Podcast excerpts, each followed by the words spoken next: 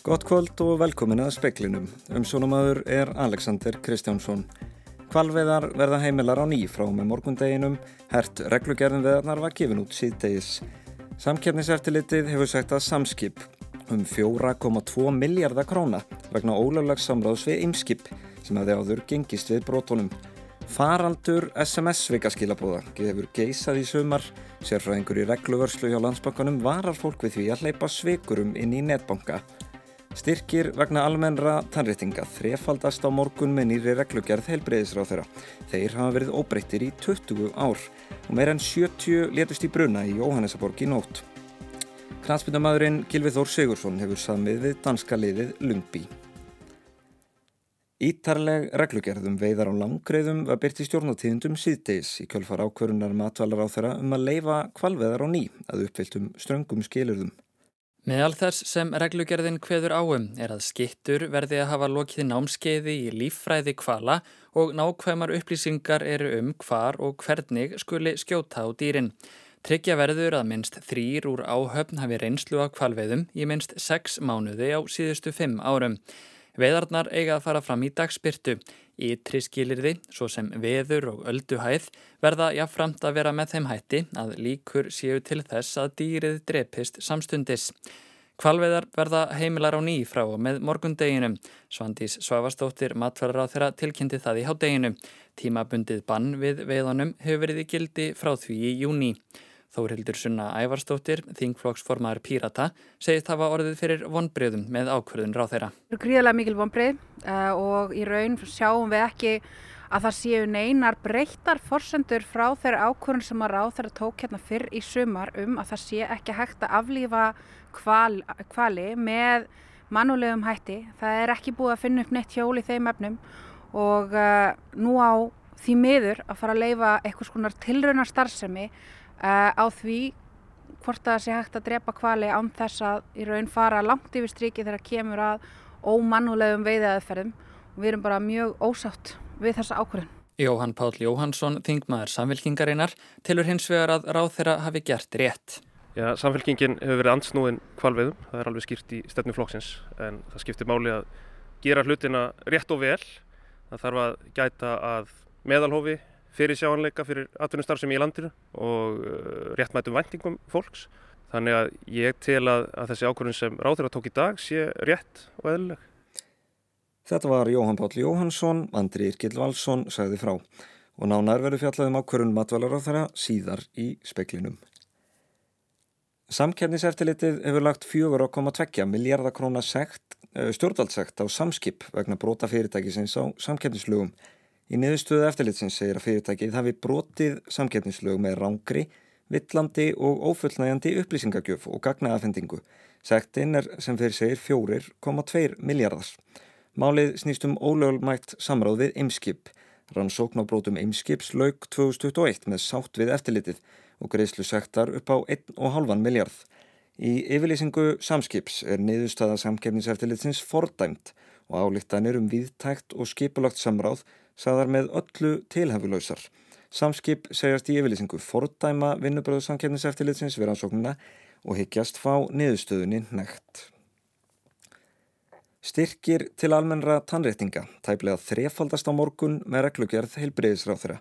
Styrkirnir hafa verið óbreyttir í 20 ár. Formaður Tannréttingafélags Íslands segir þetta fyrst og fremst gleðifréttir fyrir barnafjölskyldur í landinu. Samningur sjúkratrygginga, heilbreyðsraðunöytisins og tannrættingasérfræðinga var undirritaður í lok júli. Þá lág ekki fyrir hversu mikið tannrættingastyrkur myndi hækka.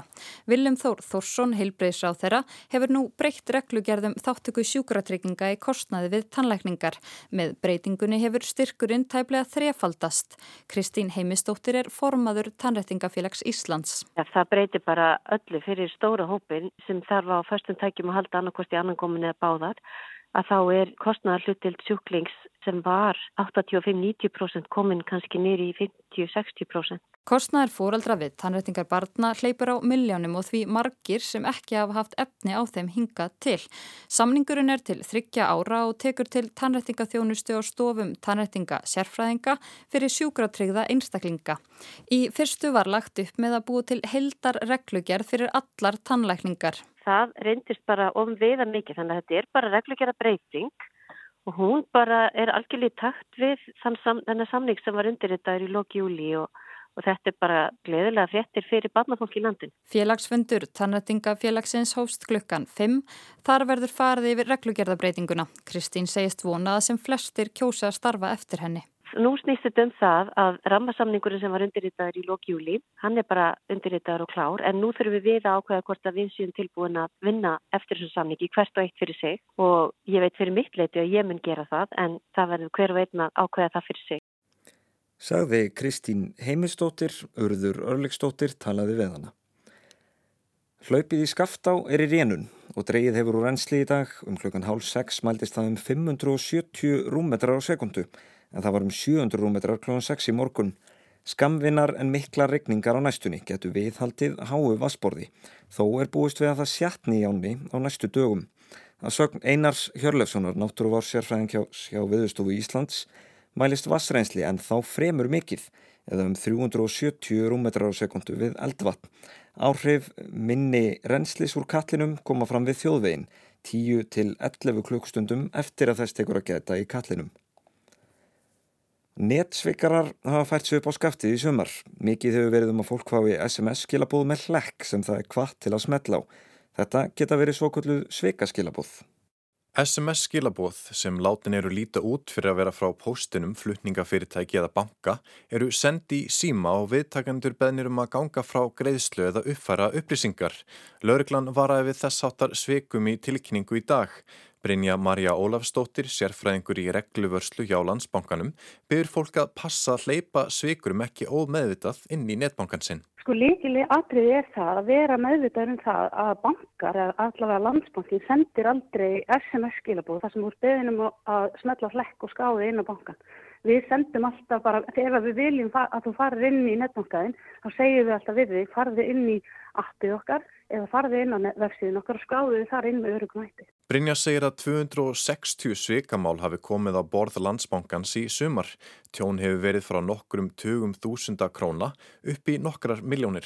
Langalgengustu svikin eru tengdum þessu SMS þar sem að fólk er beðið um að smetla hlekki og þetta geta verið SMS frá alls konar fyrirtækjum, bæði bankanum ykkar eða uh, einskalingarsýðum eins og Ísland.is eða auðkenni eða þá frá flytningsfyrirtækjum þar sem úr beðinum að auðkenna þig. Og leikilega atriði er, það sem ég tel að sé mesta vandamáli er að fólk er ekki að lesa auðkenninguna sem kemur á síman. Það er allt og fljótt að ytta samþykja en átt að segja á því hvaða er að samþykja. Sagði Brynja Marja Ólafstóttir, Ísa Grekal tók saman. Láregla í bænum Ekpan í söðu Níkerju hann tók á þriðdag hátt í 70 manns vegna grunn sem að samkynja par hefði verið gefið saman. Samkynnið og hvers konar stuðningur við hanna hefur verið ólöglegur í Níkerju frá árinu 2014. Samkynnið verður aldrei liðin, segir Brætt Etafe, lauruglustjóri í Delta. Á bladamannafundi í kjölfar handtökunar sagði hann ekki hægt að stæla hinn vestræna heim þar sem menningin var ekki svo sama í Níkerju. Árið 2014 voru undirritu lög í landinu sem gerðu samkynja sambönd ólögleg. Fólk sem grunað er að sé samkynhegt getur átt alltaf 14 ára fangelsi yfir höfði sér sé það sakveld. Einnig er ólöglegt að skipulegja eða mæta á viðbörði þar sem samkynhegt fólk kemur saman, þar með talið á skemmtistöðum. Nígeria er lang fjölmennasta ríki í Afríku með 225 miljón íbúa. Fordómar gegn samkynneigð eru rótgrónir meðal nýgerísku þjóðarinnar og Isa Sanusi, sendiherra Amnesty International í Nýgeríu, segir að laugin frá 2014 hafi held óli og eld andstæðinga hins einn samfélagsins og þannig gefið formlegt leifi til þess að brjóta á mannréttindum. Í júni 2013 voru byrtar niðurstöður skoðanakonnunar The Pew Research Center í Nýgeríu.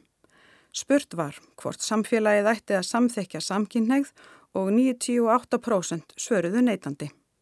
Síðan laugin voru staðfest hefur samkynneigt fólk lagt á flótta frá landinu í stórum stíl. Margir hafa sótt um hæli á Íslandi.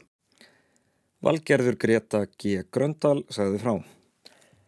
Knatsmyndumadurinn Gilvið Þór Sigursson hefur samið við danska liði Lundby sem Freyr Aleksandarsson þjálfar. Félagaskipti Gilva hafa leiðið í loftinu síðustu daga. Hann skrifur undir eins á samning við félagið. Gilvi hefur ekki spilað fótbolta síðan hann var handtekinn vegna grunnsum kynferðisbrót á Englandi sömarið 2021 og í kjölfarið úrskurðaður í farban. Í vor var málið látið niður falla og hann hefur verið frjáls ferða sinna og laus allra mála síðan. Og breyðablik er nála því að tryggja, tryggja sér sæti í reyðilakeppni sambandstildar Evrópu í fótbolta. Liðið er með 1-0 lifir á Kópavósfelli gegn Strúka frá Norður Makedóníu. Blikar unnu fyrirleikin 1-0 og eru því 2-0 lifir samanlagt þegar um 20 mínútur eru eftir á leiknum. Með sigri verður breyðablik fyrsta íslenska karlaliðið til að komast í riðilakeppni í Evrópukeppni í fótbolta. Kvalveðar hefjast á nýjan leika á morgun eftir umlega tveggja mánuða veiðistopp. Matvalar á þeirra ákvæði dag að framlengja ekki tímabundið bann við veiðunum. Það var lagt á 20. júni, aðeins degi áður en kvalviði tímabill sömarsins átti að hefjast. Haftar eftir Svandísi Svávastóttur matvalar á þeirra því tilefni að ástöðan væri afdráttarlaust álit fagaráðs um velferð dýra. Ráðið hafi komist að þeirri niðurstöðu að aðferðir sem er beitt við veðarnar samrændust ekki markmiðum laga um dýravelferð. Áður hafi skísla matvalastofnunar litiljós veruleg frávik við veðar á langriðum Margar langriðana sem hefur verið veitar síðasta árið hefur verið skotnar margsinnis áður en þar drápust. Svandís saði einakostin í stöðunni verið að banna veðarnar tímabundið. Hún skipaði í kjölfærið starfsóp um leiðir til þess að fækka þessum frávikum. Þessi starfsópur skilaði sér niðurstöðu á föstudag og laði til ímsar úrbætur til þess að fækka þessum frávikum. Úrbætur sem bæði tengist veiðbúnaði, aðferðum og þjálfun áhafnar. Starfsópurinn tók þó ekki sérlega stert til orða um hugsanlegan ávinning af þeim Bættar aðferðir myndu ekki tryggja að fávikum fækkaði en það væri ekki að það útiloka það. Það var loks eftir ríkistónafönd á eigilstöðum í dag sem Svandís tilkynnti ákvörðum sína. Veiðar myndu hefjast að nýju. Tíðin uh, fer af stað á morgun með ídarlegum skilirðum sem að verða byrt í reglugerð nú á eftir. Sagði Svandís á eigilstöðum í dag. En hvað hefur þá breyst? Ítarleg reglugerðum veðarnar var byrt í dag. Framvegis verða skittur að hafa lokið námskeiði í líffræði kvala. Tryggja verður að minnst þrýr úr áhöfn hafi reynslu af veiðunum og nákvæmar upplýsingar er um hvar og hvernig skuli skjóta á dýrin.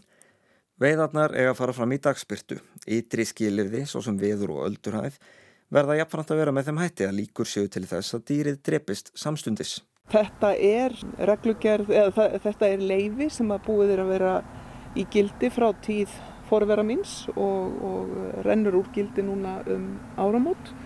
Eh, þannig að þessi reglugjör sem verður byrt og gefin út í dag, hún fjallar um þau skilirði sem að eh, leifishafinn verður að lúta og verulega aukið og strángara eftirlit.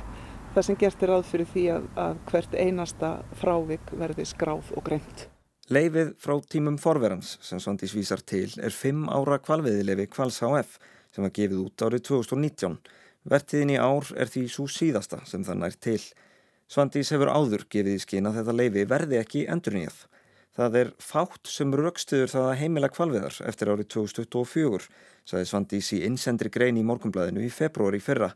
Greinin vakti aðtikli út fyrir landstennuna. Bræskablaði Guardian slóð því til að mynda upp að Íslands stjórnvöld áformuðu að hætta veiðunum.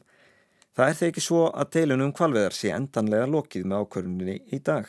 Hún geti hafist á ný strax um áramót. En henni er allavega lokið í byli.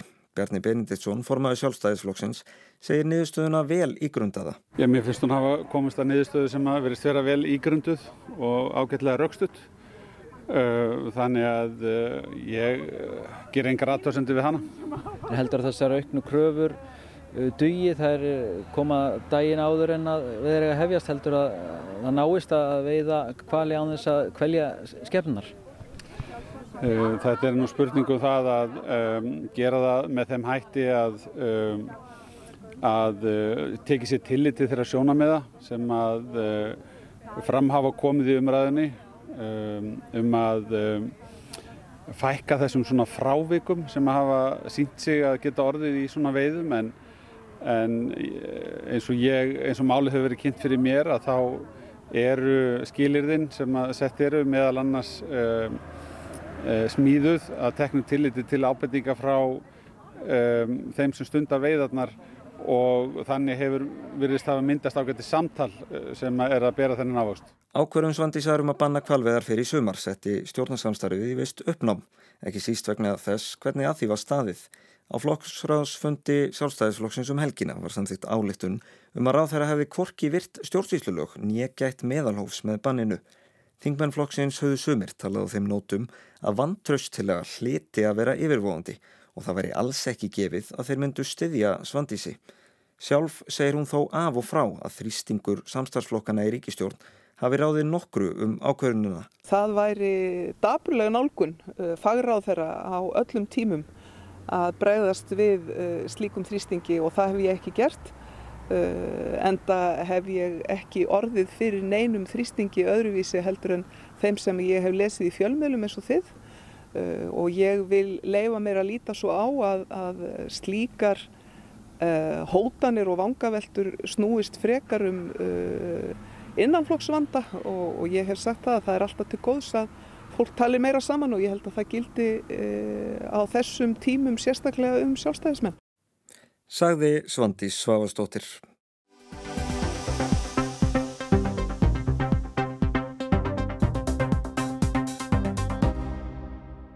Hundruð manna söfnuð saman við fimm hæða hús í Jóhannesarborg í Suður Afríku sem brann í nótt og byggðu þar fregna af ástunum sínum.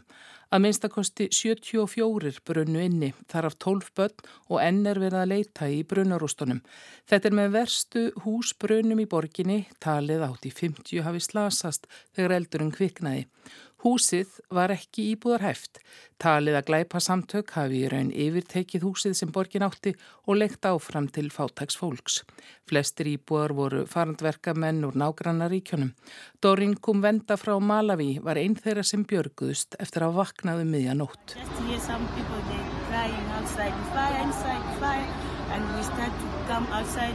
Some of us we jump on the window As we stay at the second floor and we jump from second floor to down. Kom venda vaknaði við hróp fólks sem hafði orðið vart við eldin. Hún komst út með því að stökka af annari hæð, slasaðist á fætu og hönd en vissi ekki hvar maðurinnar var niður komin.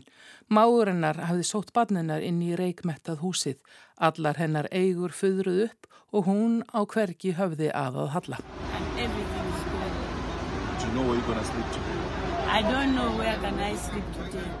Húsið sem brann var í eigu borgarinnar. Á fréttamannufundi í dag sagði Cabello Gavamanda, borgarstjóri, að borgarivöldum væri fulljóst hver hörmulegur þessi atbyrður væri og tryggjaðir þetta endurtæki sig ekki. Robert Mauludzai, talsmaður slökkuliðsins, sagði við fréttamenn Breska Ríkisútarsins BBC að það yrða útrýma þessum húsum sem hefði í raun verið reynd. Buildings which are hijacked we need to make sure that they're eradicated because you cannot continue losing, I mean, 73 lives lost in uh, a day. I mean, I have got about 23 years in the service. I've never come across something like this in my whole life. Hann hefði aldrei orðið vittni að öðrum eins mannskaða og vonaði að svo er þið ekki aftur, það er það að koma í vekk fyrir þetta. Fjölmart fólk bjó í húsinu sem var uppáflega leikt undir hvernaatkvarf en verðist að verði í höndum glæpamanna minnstakosti frá 2019. Þá þegar höfðu nokkrir verið handteknir og ákjærðir fyrir að krefja íbúa ólöglega um leigu. Þrátt fyrir þessar ákjærur var ekkit láta þessari glæpastarfsemi. Á fréttamannafundinum kom fram að síðan þá hefðu eftirlitsmenn ekki geta komist inn í húsið þegar þau lendi í riskingum við þá sem þar höfðu náð yfir á þeim. En er verið að leita í húsinu og reyna að bera kjensla á þá sem léttust. Vittni hafa líst í hvernig fólk reyndi í örvendingu að komast út í nótt í niðamirkri, rafmagnir sló út og á sama tíma herru spæði kvellir og sprengingar. Erfitt er að vita hver margir byggu í húsinu, flestir hvergi á skrá og skilríkja lausir. Inn í byggingunni hafði verið róplað upp að minnstakosti 80 halgerðum kofaskriflum til að afmarka íbúðir og í þeim var mikill eldsmatur. Líkur á að fólk festist inn í loganum voru miklar að sögn slökkuleysins. Talið er að fólk hafi tróðist undir þegar að reyndi að komast út. Fjölmargir fundust látnir við læst hlið sem varnaði þeim útgöngu. Og húsið sem brann í nótt er eitt af fjölmörgum ólöglegum leigugrenjum í Jóhannesarborg. Í hittið fyrra voru til rannsóknar rúmlega 1700 hús í borginni sem glæpagengi höfðu sölsað undir sig og leikt bákstöttum. Fórseti landsins saðist í dag vona að rannsóknu eldinum eru til þess að yfirvöld gæti komið veg fyrir að svona harmleikur endur taki sig. Anna Kristín Jónsdóttir saði frá.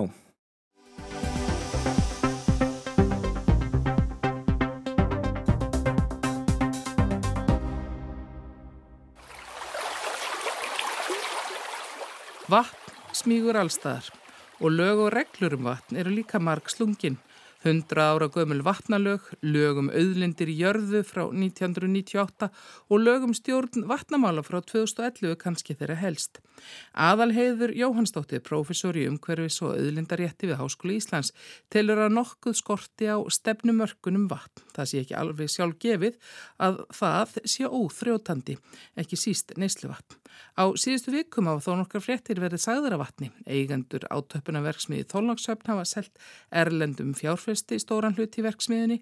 Kostgó var í vikunni sektað um 10 miljóna vegna ólíulokleika sem hefði geta spilt neyslu vatni og upp á Akranessi komist þörungar í vassbóls og óbræðvarða vatninu.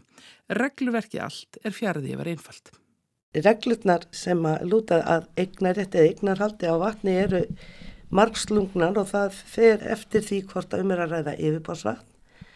Þá eru við fyrst og fremst að vinna með meginreglur vatnalagana frá 1923 en sangvað þeim eh, á landegandin hagnýtingarétt á vatni sem rennur um landaregnans eða er á landaregnans en það er ekki fjallaðum það í vatnalögunum hvort að landegandin eigi, eh, eigi vatnið heldur hann á hagnýtingarétt. Þetta sem sagt gildur um yfirbósvatn á strömmvatn og stöðuvatn.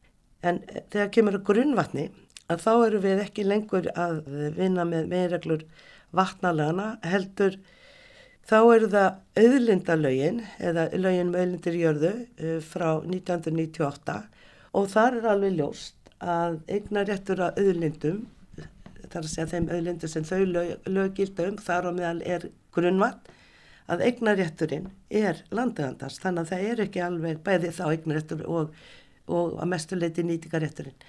Þannig að þetta er ekki alveg sambarilega reglur, þannig að það skiptir máli hvort við erum að fjalla um yfirbósvatn, eh, þá eh, ströymvatn eða stöðvatn eða grunnvatn. Aðalheður segir engin ákvæði í íslenskum lögum koma í veg fyrir sölu á hluti í varsverksmiðu til erlendra fjárfesta. Þótt að það kannski veki kannski ymsa spurningar en þetta er bara sama og Íslendingar geta gert á erlendur grundu. Þó að allt fram streymi endalust þá hefur við tundum að neyslu vatni er ekki endilega óþrjótandi lind aukist. Í lögum um stjórn vatnamála er komið inn á neyslu vatn og í reglugerðum settar fram kröfur sem eiga að tryggja að það sé hæft til drikjar. Við erum í skiplarslegin þar sem að, að og skiplarsreglugerðina og það er alveg skýrt að í skiplasáallunum sveitafélag á að gera grein fyrir vassbólum og merkja þau sérstaklega inn á sjálfar áætlanar og, svo, og síðan eru við með mikrúta reglugjara sem varða allskeins mengandi efni sem að meiga ekki fari vatn. Ástæðna þar að baki er ekki bara mannleldis ástæður heldur, það er líka vegna lífriksins. Þannig að við erum með um allt lagakerfi, þá erum við með eh, reglur sem beint eða óbeint varða vatn. En þetta að þegar fyrirtæki hefur það beilins að markmiði og yttergráðum það er náttúrulega fleiri fyrirtæki sem er að tappa vatni, tappa á, á vatni til þess að selja það sem sölveru til manneldis. Það er starfsemi sem er, er leifi skild og, og það þarf, þetta er ákveðnum kringustæðin þarf maður umhverjus áhrifin maður slik leifir gefin út. Þetta er lögleg starfsemi ef, ef leifin er fyrir hendi. En spurningin er samt sem aður hvort við þurfum að vera betur á varðbergi fyrir því að neyslu vatn á Íslandi er kannski ekki alveg óþjóðlandi eða öðlind og við höfum svona gengið út frá hinga til. Það er greiðilega meir eftirspurn eftir góðu neyslu vatni og sem að náttúrulega lýsið sér í því að það er markaður út um allan heim fyrir þessa neyslu veru.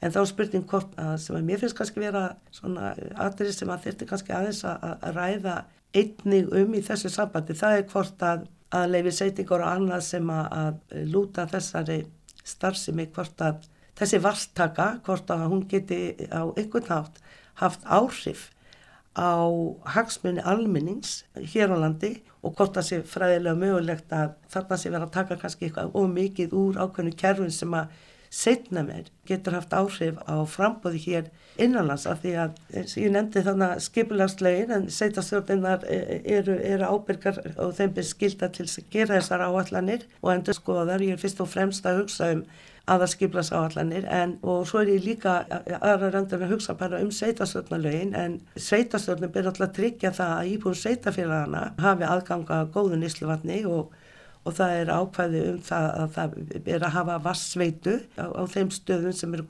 eru að ákvæðinni stærð þegar það sem ákvæðin fjöldi býr. Þannig að það er kannski meira í þessu samviki sem að, að mér finnst að kannski þurfum að fara að huga betur að markvissi stefnumörkun til framtíða hvað var það þetta kemur ekki óvart að einhverja sveitarstjórnir sé alveg meðvitaður um að það þarf á sama tíma og það þarf að tryggja það að menn getur stundað ákveðna starfsemi sem er löguleg að þá það líka að tryggja það að það verði neysluvat fyrir íbúa á, á Íslandi og eins og kerfið okkar er undir þetta sem fyrst og fremst eh, standa upp á sveitafjöluna að tryggja þetta þannig að þess að ég hafi gert einhverja heildar úttækt á aðalskiplasáallunum en þá þarf að gera grein fyrir vassbólum og, og vastökursvæðum og öðru slíku áskiplagi kann vera vel að vera að það þurfa að ganga skrefinu lengra og meta hugsanlega nesluvastörf miklu lengra inn í framtíðana Aðalheiður segir svo sem skilja þá rauksemt að vatn renni hvort sem er allt til sjáar og því hljóttið með að nota það á leiðinni. Máli sé bara alls ekki svo einfalt. Það varðandi lauginu stjórn vatnamála.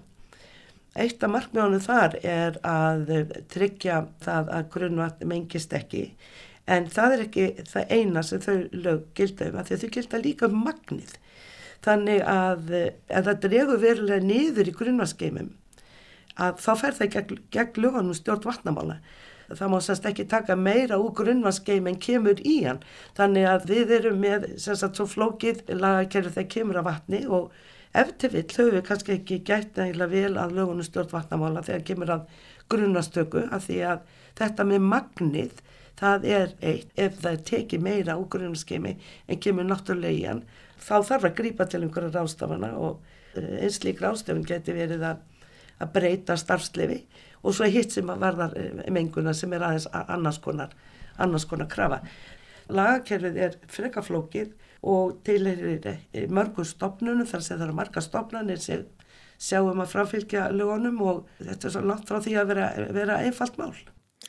Sagði aðalheður Jóhannsdóttir, Anna Kristín Jónsdóttir tók saman. Og í speklunum í kvöld sögum við frá því að samkerniseftilitið hefur sekt að samskip um 4,2 miljardar króna vegna ólöglegs samráðs við ymskip en ymskip hafði áður gengist við brótonum. Kvalveðar verða heimilar á ný frá með morgundeginum. Hert reglugerðum veðarnar var gefin út síðdeis. Styrkir vegna almennra tannréttinga þrefaldast á morgun en í reglugerð helbriðisráð þeirra. Þeir hafa verið óbreyttir í 20 ár. Faraldur SMS sveikaskilabóða hefur geisað í sumar. Sérfræðingur í regluvörslu hjá landsbankanum varar fólk við því að hleypa sveikurum inn í netbankan sinn.